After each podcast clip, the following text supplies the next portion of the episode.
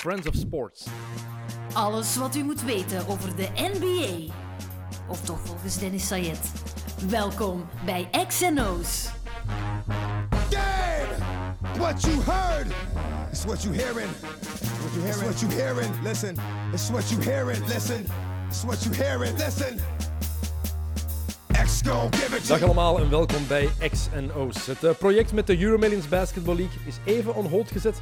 Maar dat is misschien niet zo erg, want de NBA is terug. Of toch bijna, want oefenmatchen tellen natuurlijk eh, niet echt. Hè. Maar het is terug ik ben daar ongelooflijk blij mee. Zeker nu die gevreesde tweede golf van het coronavirus helemaal begonnen is. Ehm, ja, we kunnen wat afleiding gebruiken natuurlijk. Hè. En daar kan de NBA nu gelukkig eh, voor zorgen. En het heeft ook gewoon lang genoeg geduurd. We hebben langer zonder NBA-basketbal gezeten dan het laatste offseason geduurd heeft. Dat is waanzinnig eigenlijk. Hè? Dus de NBA is terug. Ik ben daar heel blij om en ik denk dat mijn gast van vandaag daar ook heel blij om gaat zijn. Tenminste, de gast die u zo meteen gaat horen en ook eventueel kan zien als u kijkt eh, via YouTube. Want ik heb deze podcast vorige woensdag al opgenomen. Geen zorgen, dat maakt niks uit voor de relevantie. Nogmaals, oefenmatchen tellen niet echt. Dus daar hebben we natuurlijk niet over gepraat, maar het maakt ook niks uit. Eh, vorige woensdag zat ik virtueel samen met nou, nog, altijd, nog altijd virtueel, maar ik zat virtueel dus samen met de beste golfer, de beste Belgische golfer van dit moment. En misschien wel de beste Belgische golfer aller tijden, Thomas Pieters. Dus bij deze mijn babbel met Thomas Pieters. Thomas Pieters, hartelijk welkom. Goedemiddag, hallo. Eh, je zit rustig in België, heb ik gehoord. Nog geen golf, maar wel gewoon om te wachten. Ehm, ik ben aan het wachten. Ehm, mijn vriendin is hoogzwanger, dus eh, we zijn aan het wachten op ons kindje. En daarna gaat, eh, gaan we terug aan de gang. Op een kind wachten iets belangrijker dan terug gaan golfen, Dat zegt. wel prioriteiten stellen. voilà. Hoe hou je dat eigenlijk vol? Want het is iets anders dan jij gewend bent de laatste jaren. Hè? Altijd on the road, altijd op tour. En nu zit je daar maandenlang gewoon in België. Ja, maar het is wel een geschenk geweest natuurlijk om, eh, om de hele zwangerschap te mogen meemaken. Want eh, in het begin was dat toch een beetje zuur om, eh, om alles te moeten missen. Dus ik, ben, ik ben er niet rouwig om geweest dat, ik, dat we met ons twee samen thuis hebben gezeten. Heb je dan ook al naar oude golfwedstrijden gekeken of zo? Want ik weet van mezelf, ik heb heel veel retro-NBA-matchen bekeken. Ik weet niet hoe dat bij jou Ik zit. heb, ik heb er ook wel wat gekeken, ehm, maar golf niet echt, nee. Ik miste het niet super hard, ik zou het zo zeggen. Het, het golfen zelf miste je niet hard, of het golf kijken miste je niet? Nee, golf kijken. Het golven begint, nu, nu begin ik het wel echt wel te missen natuurlijk, maar eh, nee, golf kijken zat er niet echt in. Hè. Als, als het niet live is, vind ik het niet zo interessant. Ja, dus zo, zoals ik, ik heb bijvoorbeeld echt retro-matchen uit de jaren 90 bekeken. Jij gaat dan niet een US Open van 1997 even terug boven halen. Als ze dat zouden uitzenden, misschien wel, maar dat deden ze niet. YouTube, hè, man. YouTube, hè. Ja, YouTube, ja. Zo maniacaal ben ik daar nu ook niet mee bezig.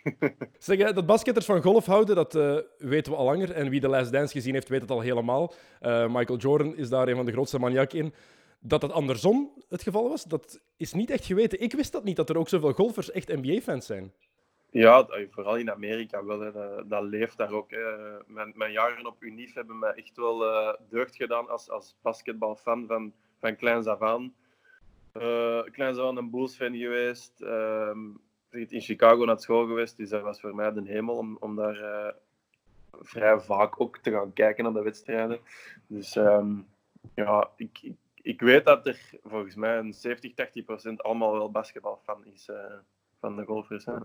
Ja, en, en de meeste topgolfers zijn ook vaak Amerikanen natuurlijk. En het circuit in Amerika is daar ook gigantisch, dus dat speelt natuurlijk ook een rol. Ehm, waar komt die liefde eigenlijk vandaan voor de NBA bij jou? Want je zegt het al, dat was voor je naar eh, Illinois bent getrokken.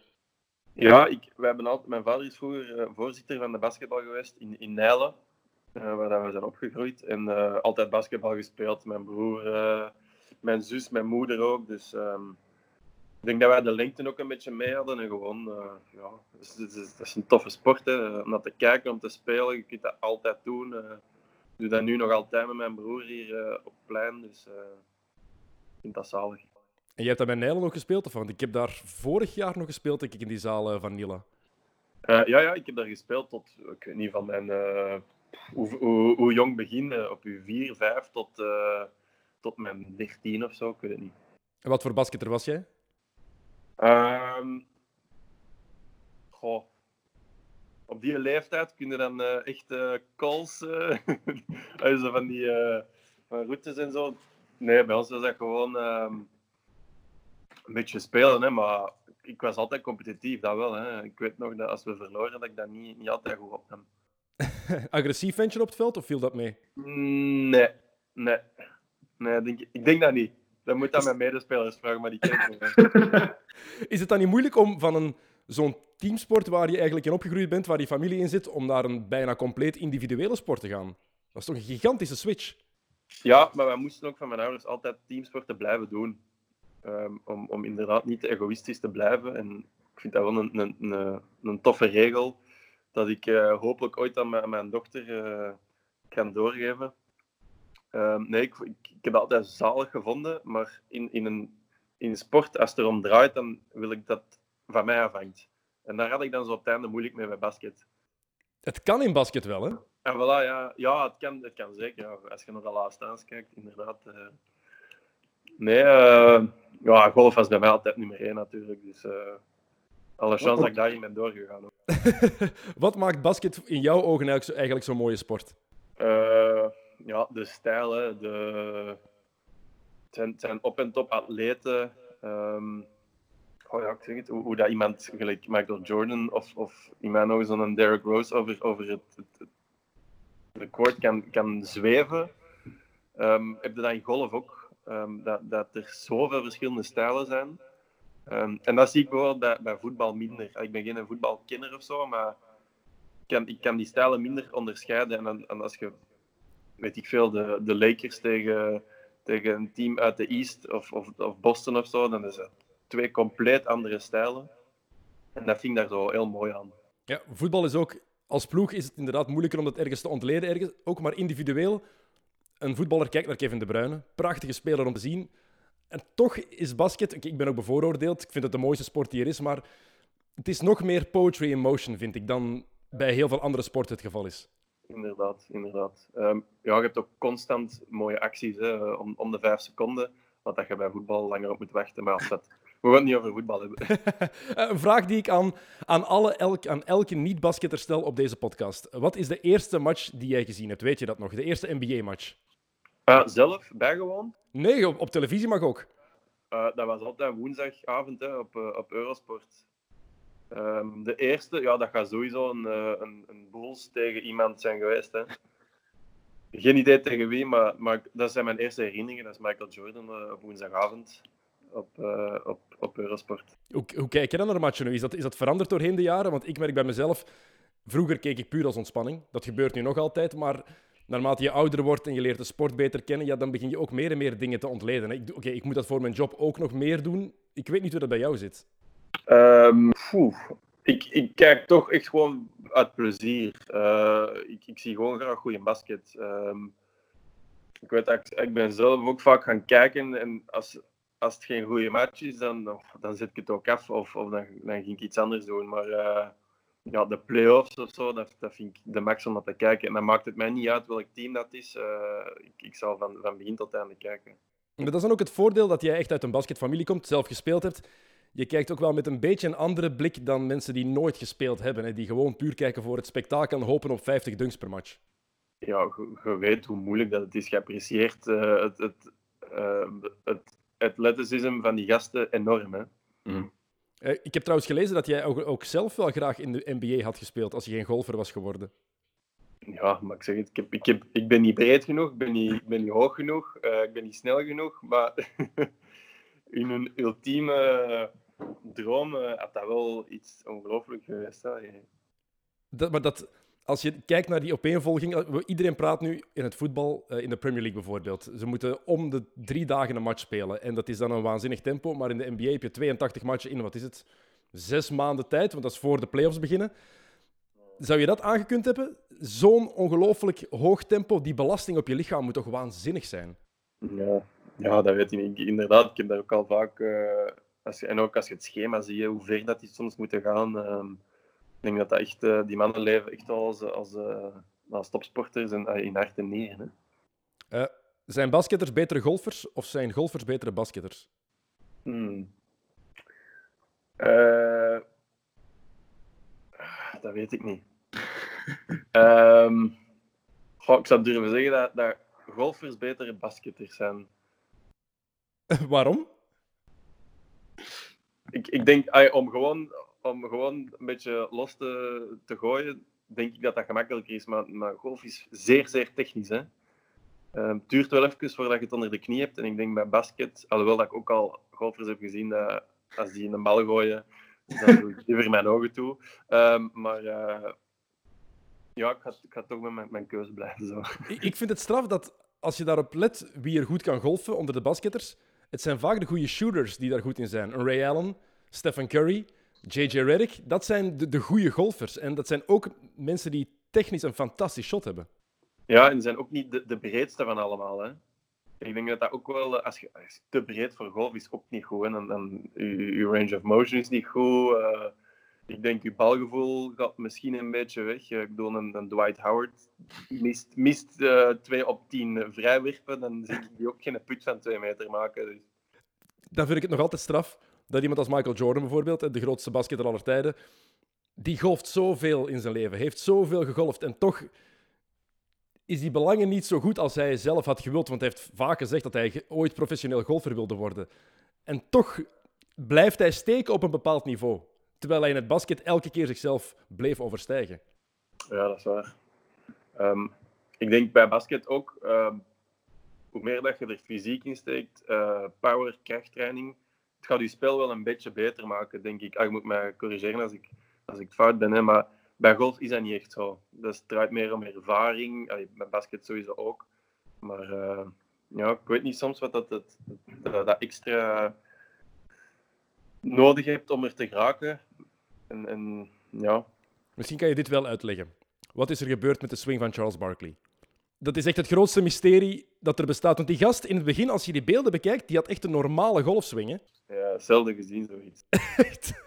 Ja, echt. Uh, dat staat in mijn mond van open als je dat ziet. Ik heb dat nooit in het echt mogen zien, maar dat is toch iets. Uh, je, je, je, kunt niet begrijpen hoe en waarom dat hem dat doet, hè, maar. Ja, waarom? Ik denk dat hij zelf niet weet waarom. Het is vooral. Daarom dat is toch raar. Je kunt dat gewoon een swing doen. Toch niet zo moeilijk. Maar ik vraag me af, is dat mentaal of is dat fysiek? Want vroeger kon hij dat wel gewoon. Ja, dat is echt dat is gewoon een mentale blok. Hè je ziet dat toch ook, ook soms bij die, die gasten die een, een vrijwerp nemen, dat die soms zo blijven haperen. Ja, dat is juist hetzelfde. Dat is gewoon... Mark, Markel Fultz had dat, hè? een paar jaar geleden. Markel Fultz, toen de nummer 1 draftpick, toen die zijn vrijworpen nam met zogezegd die schouderblessure, die bleef ook zo haperen in dat shot. Ja, dat is echt eh, dat is, dat is niet kunnen beslissen. Hè? Maar als je dat... Bij Fultz is dat er nu bijvoorbeeld uit. Barkley heeft al 15 jaar die hapering in die, in die swing, dus... Ja, gewoon een ander sport kiezen, hè. Uh, ik weet niet, je kunt gaan bowlen of zo, maar golf misschien gewoon laten zitten. Uh, het is wel tof om daar tegen te wedden, dan denk ik. Als je daarmee op, de, op, de, op het circuit rondloopt, op een golfterrein rondloopt. Ja, dat denk ik wel. Heb jij het ooit tegen een NBA-speler kunnen golfen of moeten golfen? Uh, ik, heb, uh, ik ben drie, vier jaar lid geweest op, op de club waar dat, Michael Jordan ook lid was. En ik heb die wel vaak gezien. En heeft een paar keer zo achter mij gespeeld en, en door ons. Maar nooit echt, echt in ons met hem gelopen. Maar ja, weet dat Nicola Kossert wel uh, eh, 9 of 18 met hem heeft gespeeld. Um, maar aan die zijn weddenschappen doe ik gewoon niet mee, want uh, de, daar gaat een vriend, vrienden mee kwijtspelen, zoiets, denk ik dan. Ik wou, het je, ik wou het je net vragen, tot hoeveel euro zou jij gaan als je met Michael Jordan zou golfen? Want... Nee, bij mij is dat echt... Uh, dat moet symbolisch zijn, zoiets ik, uh, ik zou dat echt niet aankunnen, want uiteindelijk, we, we, spelen ook voor, voor veel geld. En, en, maar nee, om, om zo een vriendschappelijk matchje voor zoveel, dat, dat, dat zit er bij mij niet in.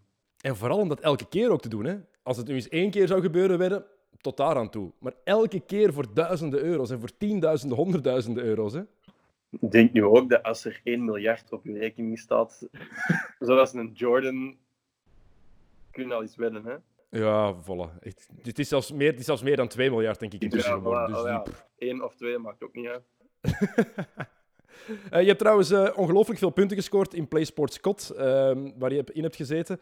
Ehm, toen Bart Raas jou vroeg wat je favoriete voetbalploeg was, zei jij gewoon rustig Chicago Bulls. En ik vond het vooral goed, je hebt zelfs niet twee keer nagedacht om toch een voetbalploeg te zeggen. oh, ik ben niet zo'n zotte voetbalfan, nooit geweest. Wel gespeeld, maar nee. Wel gespeeld?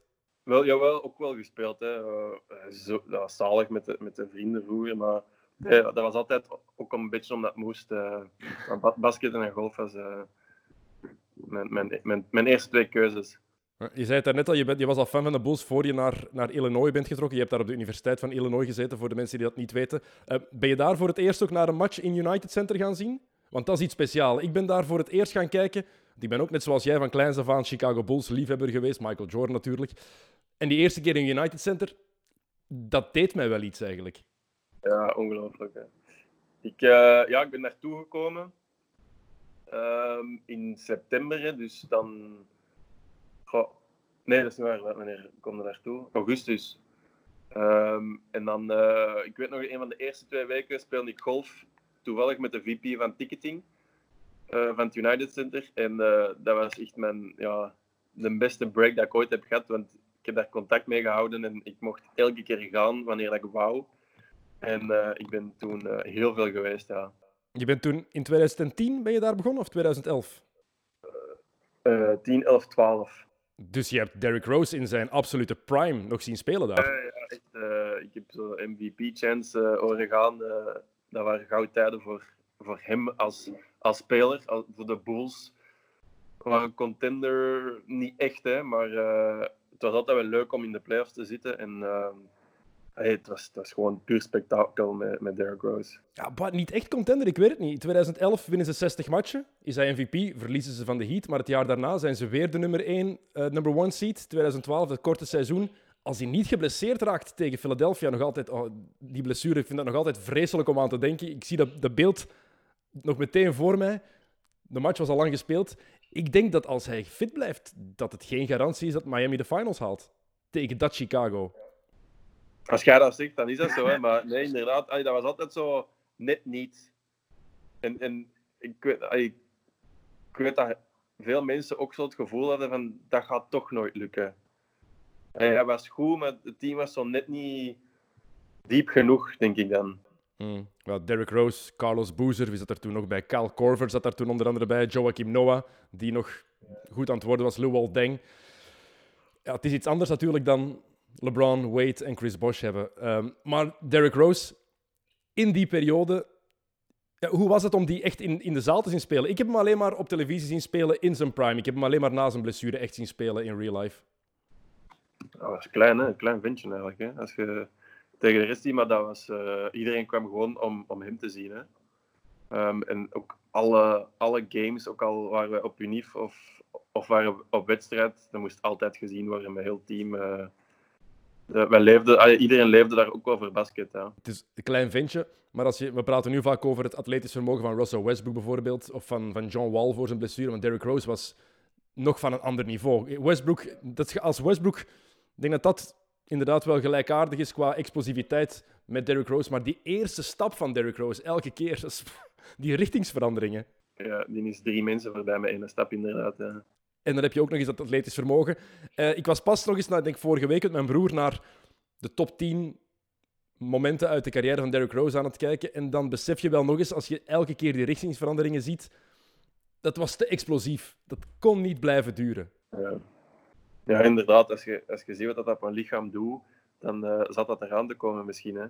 Maar, uh, maar het is gewoon zo spijtig hoe dat die eerste keer, die comeback, en ik weet nog dat al die filmpjes van Adidas dat ze daar een heel documentaire over hadden gemaakt. En dan duurt dat echt letterlijk, ik weet het niet, een maand of zo voordat hij terug in de lappen lag. En dan die tweede comeback nog eens een heel documentaire erover. En dan, ja, het is gewoon spijtig dat dat is gaan voor hem. Hè. Hoe leefde dat eigenlijk in Chicago? Want het is een Chicago boy, geboren en getogen daar. Maar na die eerste comeback dacht iedereen, gaf iedereen me nog wat, wat krediet. Maar dat bleef ook niet duren. De sportfans in Chicago zijn heel streng. Hè? Ja, inderdaad. Uh, als je zo ook een, uh, de Chicago Cubs, uh, als, als sportstad hebben ze gewoon niet de beste reputatie. Hè. Allee, ze hebben altijd goede teams, maar net niet goed genoeg. En de Cubs hebben dan net gewonnen, is dat vorig jaar of twee jaar geleden? Ja, twee jaar geleden denk ik inderdaad, ja. De World Series. En uh, ja, daarvoor, ik zeg dat, altijd zo, dat deed mij een beetje denken aan, aan thuis. Zo, ze zijn goed, maar het gaat hun toch niet lukken. ik vind dat een beetje Belgische mentaliteit. Ja, dat is erg eigenlijk, hè? Ja, dat zeg ik. Ja, maar, bij de Bulls is dat ook zo. Ze hebben de Chicago Bulls-periode, de Michael Jordan-periode gehad bij de Bulls, bedoel ik. Ja. En dan was er daarna de Derrick Rose-era. Maar het was inderdaad voor de rest net niet goed genoeg altijd. Of zelfs een hele periode echt slecht. Ja, en nu zijn ze... Ik vind, ja, ik vind het echt zo wat erg om toe te geven dat ik er nog altijd zo naar uitkijk als ze spelen, maar je kunt echt niks meer verwachten. Hè. Nee, als, als Zach Levine je nummer één optie is en Jim Boylan je headcoach, dan, dan weet je wel dat, het, dat er een, eh, gigantisch probleem is. En ben je naar playoff matchen gaan kijken toen met Derrick Rose? Ben je naar playoff matchen gaan kijken toen, toen Derrick Rose daar speelde? Ja, of was het enkel regular season? Ehm, wij zijn eh, ook, als wij op wedstrijd waren, dan gingen wij ook altijd wel ehm, hier en daar een, bas een basketbalwedstrijd meepikken. Onze coach was ook altijd een grote basketbalfan. En als ik in Amerika heb gespeeld, daarna als prof, was dat ook altijd. allee, we hadden, mijn, mijn agent toen was. ehm, die hadden ook een basketbaldepartement. en dus overal waar wij waren, dan was dat altijd maar eh, een sms sturen. Dat was eh, ja, zalig. Hè? Eh, dat was altijd elke avond. Ah, is, er een, is er een wedstrijd hier ergens in deze stad? Oké, we gaan. Want Maar het verschil in de zaal tussen een, een playoff wedstrijd of een regular season game, dat is, dat is gigantisch. Dat kan je bijna niet beschrijven zelfs. Hè? Nee, maar ik weet dat ik ooit eens naar de, naar de Suns ben gaan kijken als ik, als ik op school zat. En dat was echt lachwekkend. Eh ze zaten echt bijna alleen in de zaal. Dat gaat sowieso Suns tegen Bobcats of zo zijn geweest. Eh, ja, dat was echt waanzinnig. Geen, geen, geen volk. Maar ik ben ook bijvoorbeeld naar in het United Center naar eh, de Blackhawks gaan kijken. En dat was nog een ander niveau hè, van supporteren. Eh, ik weet dat Bulls had ook altijd bijna vol. Maar Blackhawks is ja, zo luid. En, en dat is, eh, ik vond het eigenlijk nog leuker om te kijken. Ja, de sport zelf ook. Qua, nee, sport niet, maar qua ervaring als fan in een in de United Center vond ik dat nog leuker. Maar eh, ik denk, hockeyfans zijn ook gewoon een compleet ander menselijk ras. Hè? ja, ja, ja, dat is waar. Dat zijn zo de hooligans. ja, die, die kijk, als, als er in een sport effectief op elkaars gezicht geslagen mag worden, dan weet je wel dat je bepaalde dingen van je supporters kan verwachten. Tuurlijk, tuurlijk, inderdaad. Ehm, wat is de, weet je, de leukste match die je gezien hebt in een stadion? Kan je je dat nog herinneren? Oeh, dat is... dat- nee, moeilijk. Je hebt er echt gewoon te veel gezien al. Ik heb, ik heb er wel veel gezien. Ja, ik, ik reed echt wel om het weekend of zo toch wel... eh, dat was twee uur rijden, dus dat was eh, altijd, eh, altijd wel de moeite. Hè. Ging je ook veel kijken naar college ma- matchen eigenlijk van, eh, van Illinois? Ja, ik had daar ook een abonnement eh, en dat was ook altijd de max. Als je zo, eh, ik, kan dat, ik kan dat nu niet meer terugdenken welke spelers dat, er dan, dat ik dan ook heb gezien dat nu in de NBA spelen. Maar ja, als een Kentucky of zo bij ons kwam en je hebt dat dan op die moment niet door, want dat zijn gewoon college spelers. Hè, want, en je leest daar ook niet veel over. Maar hij is een, oké, een Zion Williamson was natuurlijk next level, maar Anthony Davis toen bijvoorbeeld, bij Kentucky. Oh ja, dat kan bijvoorbeeld, ja, maar ik, ik zou het me niet meer herinneren. Maar college basketbal is ook super leuk, want je hebt zoveel vierheid over je school. En, en die matchen zijn meestal veel closer. Ehm, dat, ja, ik ook de max. Zag je dat liever dan NBA? Want het is daar iets, het is daar veel tactischer. Je had er toen nog een shotklok van 35 seconden, wat waanzinnig lang is. Want als ik daarnaar kijk, ik vind dat leuk om te zien, omdat je veel meer tijd hebt om de tactiek te, te ontleden. En vooral, ja, de sfeer tijdens een college match is gewoon zoveel specialer dan tijdens een NBA-match. Er, is daar, er moet niks artificieels toegevoegd worden. Dat, je hebt die fanfare, je hebt de band van de, van de universiteit. En iedereen, wat je zegt, staat zo achter zijn, achter zijn school, dat dat gewoon veel fanatieker is. ja, al die liedjes ook, eh, iedereen kent dat. En ja, dat is wel, dat is wel leuk. Ja. Was je daar snel mee mee?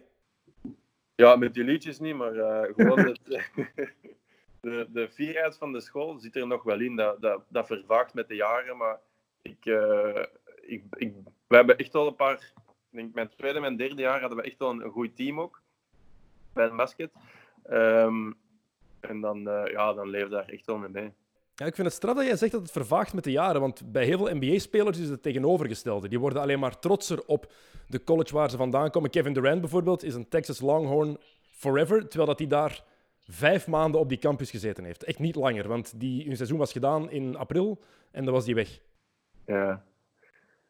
ja, ik kom er gewoon niet meer. Moest, ik denk als ik Amerikaan was en, en je gaat af en toe nog eens terug of zo, dan ben ik in 16 en 17 nog eens geweest. Zo een week of een paar dagen. Maar ja, ik hou sowieso contact met de, met de coach. En, en er zitten nog, ja, ik stuur soms wat Belgen naar daar. Er zitten nu ook weer twee Belgische jongens in dat team. Dus ik, ik check altijd wel de scores, maar eh, ja, die vierheid, ja. Oké, je bent daar naar school geweest, maar dat zit, hè. Je, je bent er nuchter, Thomas, daarvoor. Ik, eh, ik ga geen... allee, er zijn mensen die echt eh, hun hoes laken in Illinois tot onderbroeken toe. Dat, dat gaat niet zijn. Dus geen, geen, geen pakje voor je dochter. Geen Illinois-pakje, Illinois-petje. Ja, misschien, misschien ooit. Heb je nog een voorliefde voor andere bepaalde NBA-ploegen buiten de Bulls? Ik vind ehm, Jimmy Butler een ongelofelijke speler. Dus elke, elk team dat hij naartoe gaat, volg ik net wat extra. Eh, LeBron natuurlijk ook. Ehm, maar nee, ja, Bull- Bulls zijn ze altijd mijn team geweest. Dus ik probeer daar niet, niet van te gaan. Je bent niet zoals de nieuwe generatie NBA-liefhebbers die alleen maar spelers volgen. Nee, nee ik, ja, ik zeg het, ik, vind, ik blijf kijken. Hè. Ik heb een League Pass elk jaar en ik blijf kijken. Maar ja, het doet gewoon pijn. Je, je kent het, hè.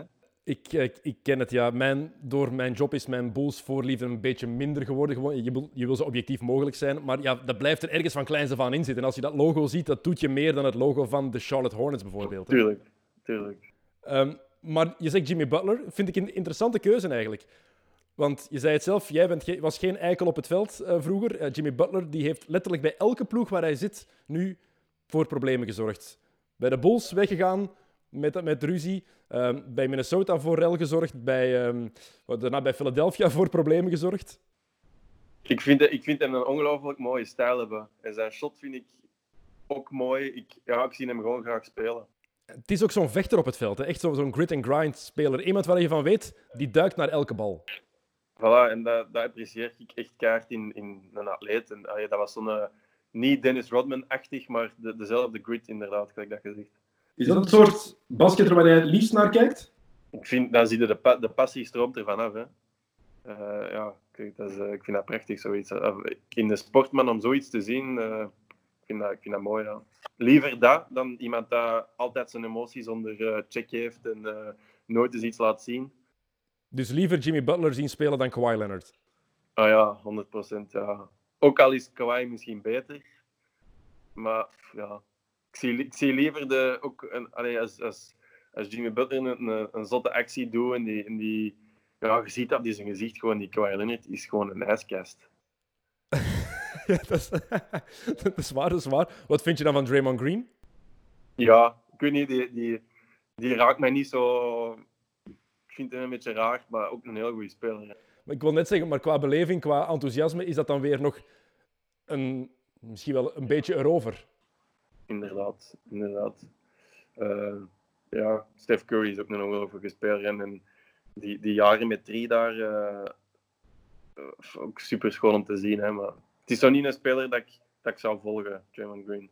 Wat vind je eigenlijk van die hele NBA-bubbel in, in Disney World nu? Want ze gaan eraan beginnen binnen... Het is vandaag woensdag, dus binnen een, een week beginnen ze eraan. Ja, ik vind het zot dat hij daar zo vroeg... Ik snap het, hè, dat ze twee weken of bijna drie weken daar al moeten zitten. Maar als je nadenkt dat ze hun vrouw niet mogen zien, hun kinderen... ah, ik, ik, ik weet er niet alle details van, hè, maar ze, ze moeten daar on- ondertussen blijven, denk ik, tot wanneer? Het hangt ervan af totdat ze uitgeschakeld worden. Hè. En de families die zouden mogen komen vanaf de tweede ronde in de playoffs. Maar dat is wel pas binnen anderhalve maand of zo. Lang, hè? Ja, ik vind dat wel chapeau dat, eh, dat ze dat doen. Ehm, ik, kan mij, ik kan mij niet e-mailen. Er zijn sowieso spelers bij die een kind verwachten of zo, want er zitten er heel veel.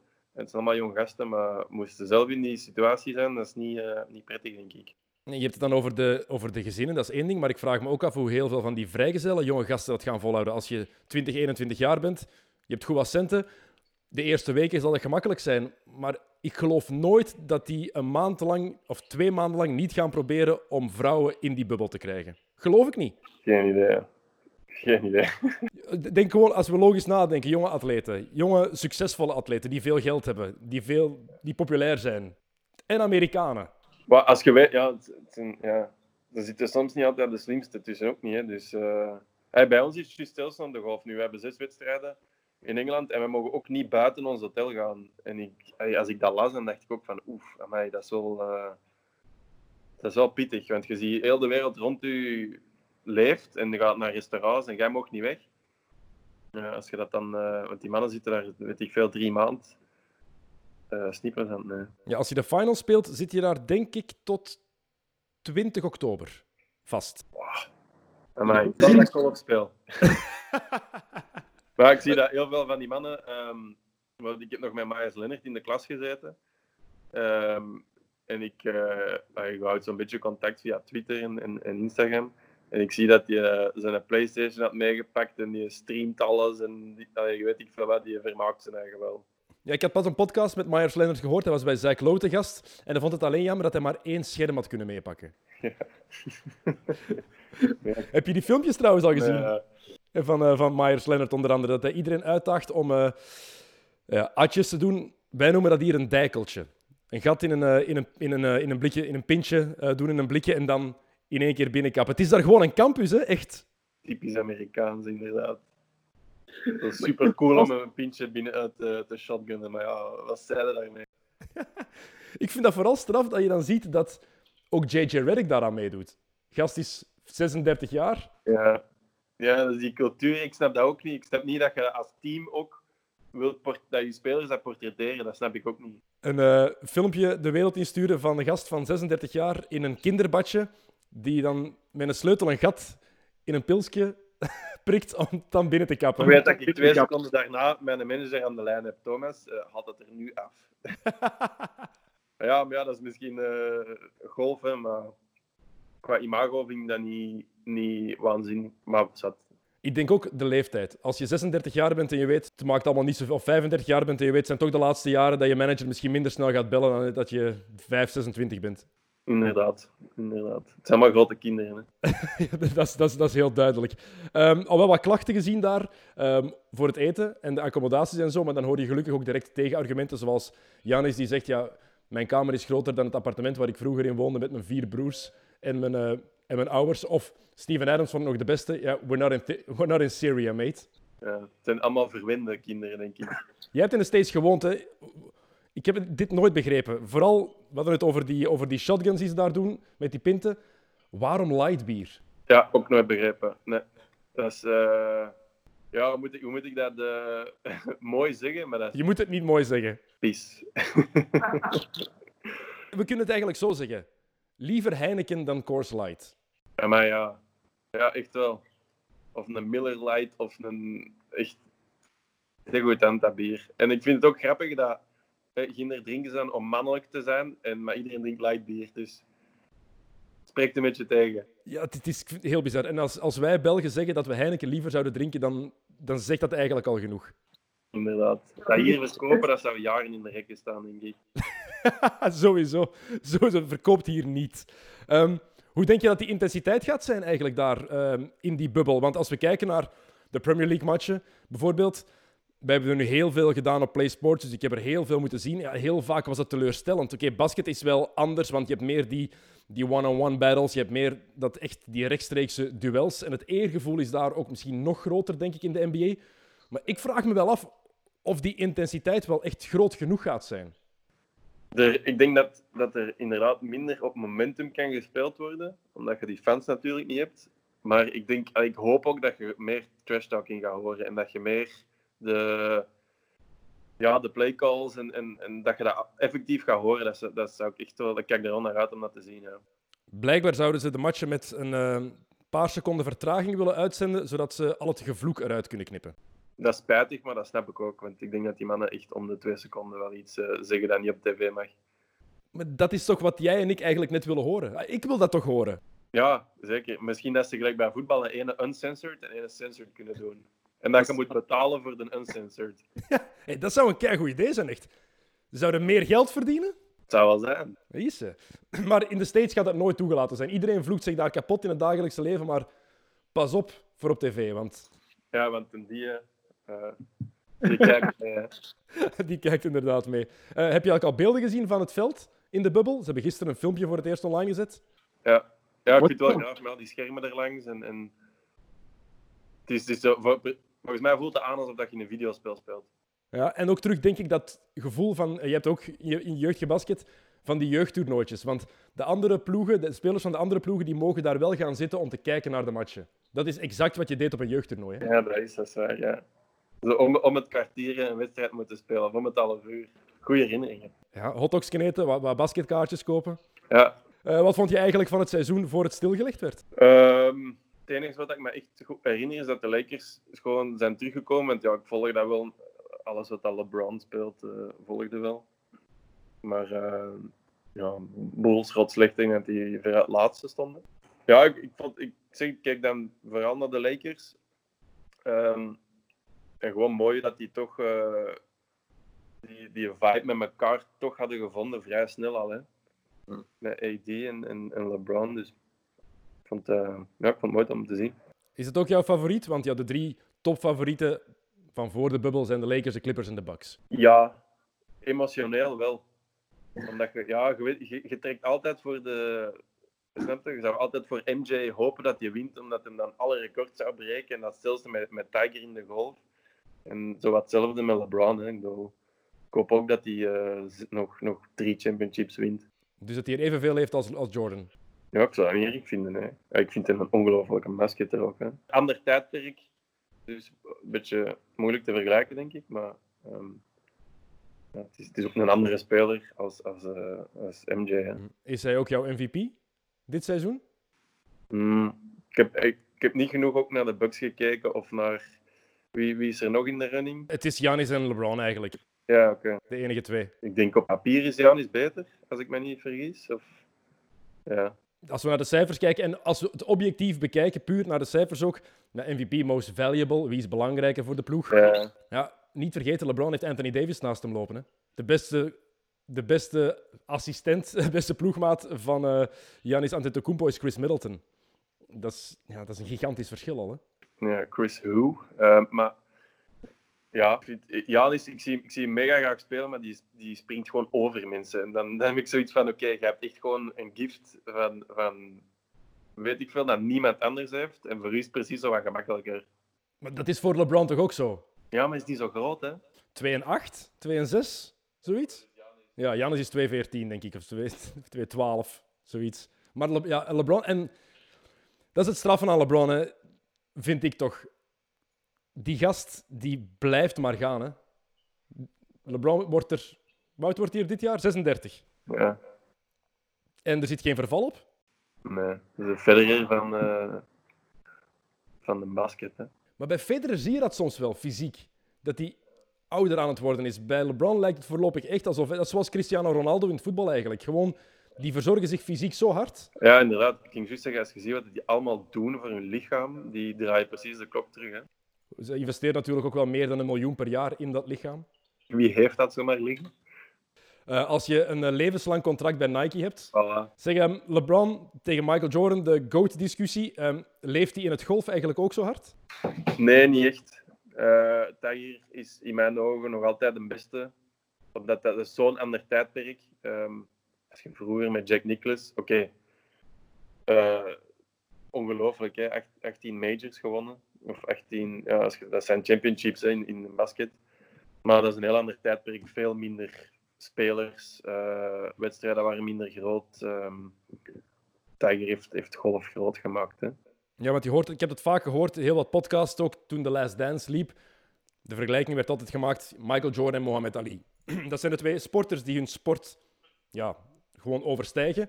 Maar vooral voor Amerikanen, voor Europeanen is dat minder, omdat die sport zeker in België minder leeft hier gewoon. Maar zeker in Amerika, iedereen zei en Tiger Woods. Ja, ja zeker. Ik zou, moest ik geen golf spelen, maar dat is natuurlijk ook om, ik ben ook objectief, maar ik vind dat uh, die heeft golf zo anders gespeeld als de rest. Die, dat was een sportman, dat was een atleet, die had, die had SEAL training gedaan. Dat was uh, dat is ongelooflijk wat dat die mens heeft gedaan. Is het dezelfde hoogte als Mohammed Ali en Michael Jordan? Ik denk dat wel, want als je ziet hoe, hoe, moeilijk en onvoorspelbaar dat golf is, van één week tot de andere week kan zoveel verschillen. Ehm, en die heeft dat, weet ik veel, 12 jaar, denk ik, 11 jaar aan een stuk nummer 1 gestaan. Dat is, dat is ongezien en dat gaat ook nooit meer gebeuren, denk ik. Gaat hij hier nog veel winnen, denk je? Veel majors, nu hij terug... Ja, hij heeft vorig jaar gewonnen, hè, terwijl ja, hij zei dat hij nooit meer uh, ooit ging, ging contenden voor iets te winnen. Ondertussen ook al drie of vier gewonnen, hè, sinds dat hem terug is. Hoeveel moet hij er nog winnen om aan 18 te geraken? Hij heeft er nu 16. Nee, 15, sorry. Nog drie. Maar dat is... We zeggen dan zo gemakkelijk, hè? oh, hij moet er nog maar drie Ja, voilà, nog maar drie, maar... ja, hij is ook al uh, 45, 46. Maar dat is het ding ook, die gaat ook al zo lang mee. En hebben dan, we hebben dan die, die periode gehad waarin hij niet gegolfd heeft dat het gewoon als een nieuwe start voelt eigenlijk bij Tiger Woods, vind ik toch. Eh, wat vind je eigenlijk van de maatschappelijke rol die de NBA vervult? Want het is geen enkele competitie in de wereld is zo maatschappelijk, maatschappelijk geëngageerd als de NBA. En ik denk ook niet dat er een andere competitie is waarin de atleten of de spelers zo, ja, zich zo inzetten voor de maatschappij als in de NBA. Als je kijkt naar die persmomenten nu bijvoorbeeld, uh, Tobias Harris antwoordt niet op vragen, zegt alleen maar We want justice for Breonna Taylor. Wat vind jij daar eigenlijk van, dat ze hun, hun, ja, hun platform zo gebruiken? Goh, ik vind dat goed. Um, ik, heb, ik heb daar niks op tegen. Um, ik heb het ook gezien gisteren en dat zijn volste recht om dat te doen natuurlijk. Hè. Misschien dat hij daar iets meer in... En wij, ik denk, wij weten daar ook niks van hier in België, hè, van Bjorn Taylor. En, en uh, die zijn daar iets meer... Die zijn daar dichterbij natuurlijk. Hè. Zij, zij leven daardoor. Wij als blanken hebben daar weinig of geen besef van. Mm. Dus um, ja, ik vind, ze, ze mogen het en moeten het doen, hè, anders gaat er nooit iets veranderen. Maar je ziet wel natuurlijk, bijvoorbeeld in België, hier zijn er sowieso heel weinig sporters die hun platform gebruiken om maatschappelijke zaken te proberen veranderen. Want het is niet dat er in België geen problemen zijn, natuurlijk. Uh, nee, natuurlijk, maar ik vind het ook heel moeilijk. Ik heb, um, ik heb er moeite mee om het zelf te doen, omdat je gewoon niet weet hoe ver dat je mocht gaan. Of, of... Ja, ik vind, ik vind dat zelf heel moeilijk. Maar moet je daar rekening mee houden? Moet je nadenken over, ik kan zo ver gaan? Ja, ja. Hey, moeilijk om, ja, ik, vind, ik vind dat moeilijk om, om daarover te praten zelfs. Omdat je wordt op alles, op elk woord, op elke lettergreep worden, worden gepakt nu. Hè.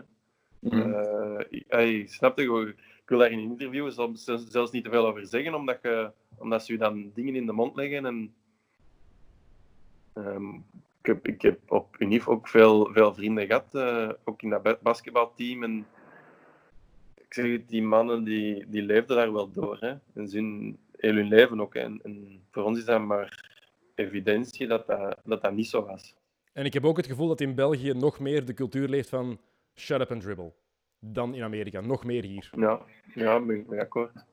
Uh, The Last Dance, je hebt die gezien, veronderstel ik. Om nog even over, uh, nog even over, basket, echt, over het basket zelf te, te hebben. Um, was je daar net als iedereen ook zo, zo zot van om die door die documentaire, of was het bij jou ook vooral voor die nostalgische gevoelens die naar boven kwamen? Ah, uh, uh, beide. Hè. Ik, was, ik was altijd... Wat, ik was altijd aan het denken van mij, wat gaan ze volgende week tonen van achter de schermen, coole beelden en, en zo. En natuurlijk, als je nu hoort dat LeBron, of nee, Magic Johnson met ene bezig is, dat ze over Kobe zijn aan het maken, dan, dan, dan zit je echt al te wachten op die release datums. Hè. Maar ja, elke maandagochtend was dat direct kijken natuurlijk.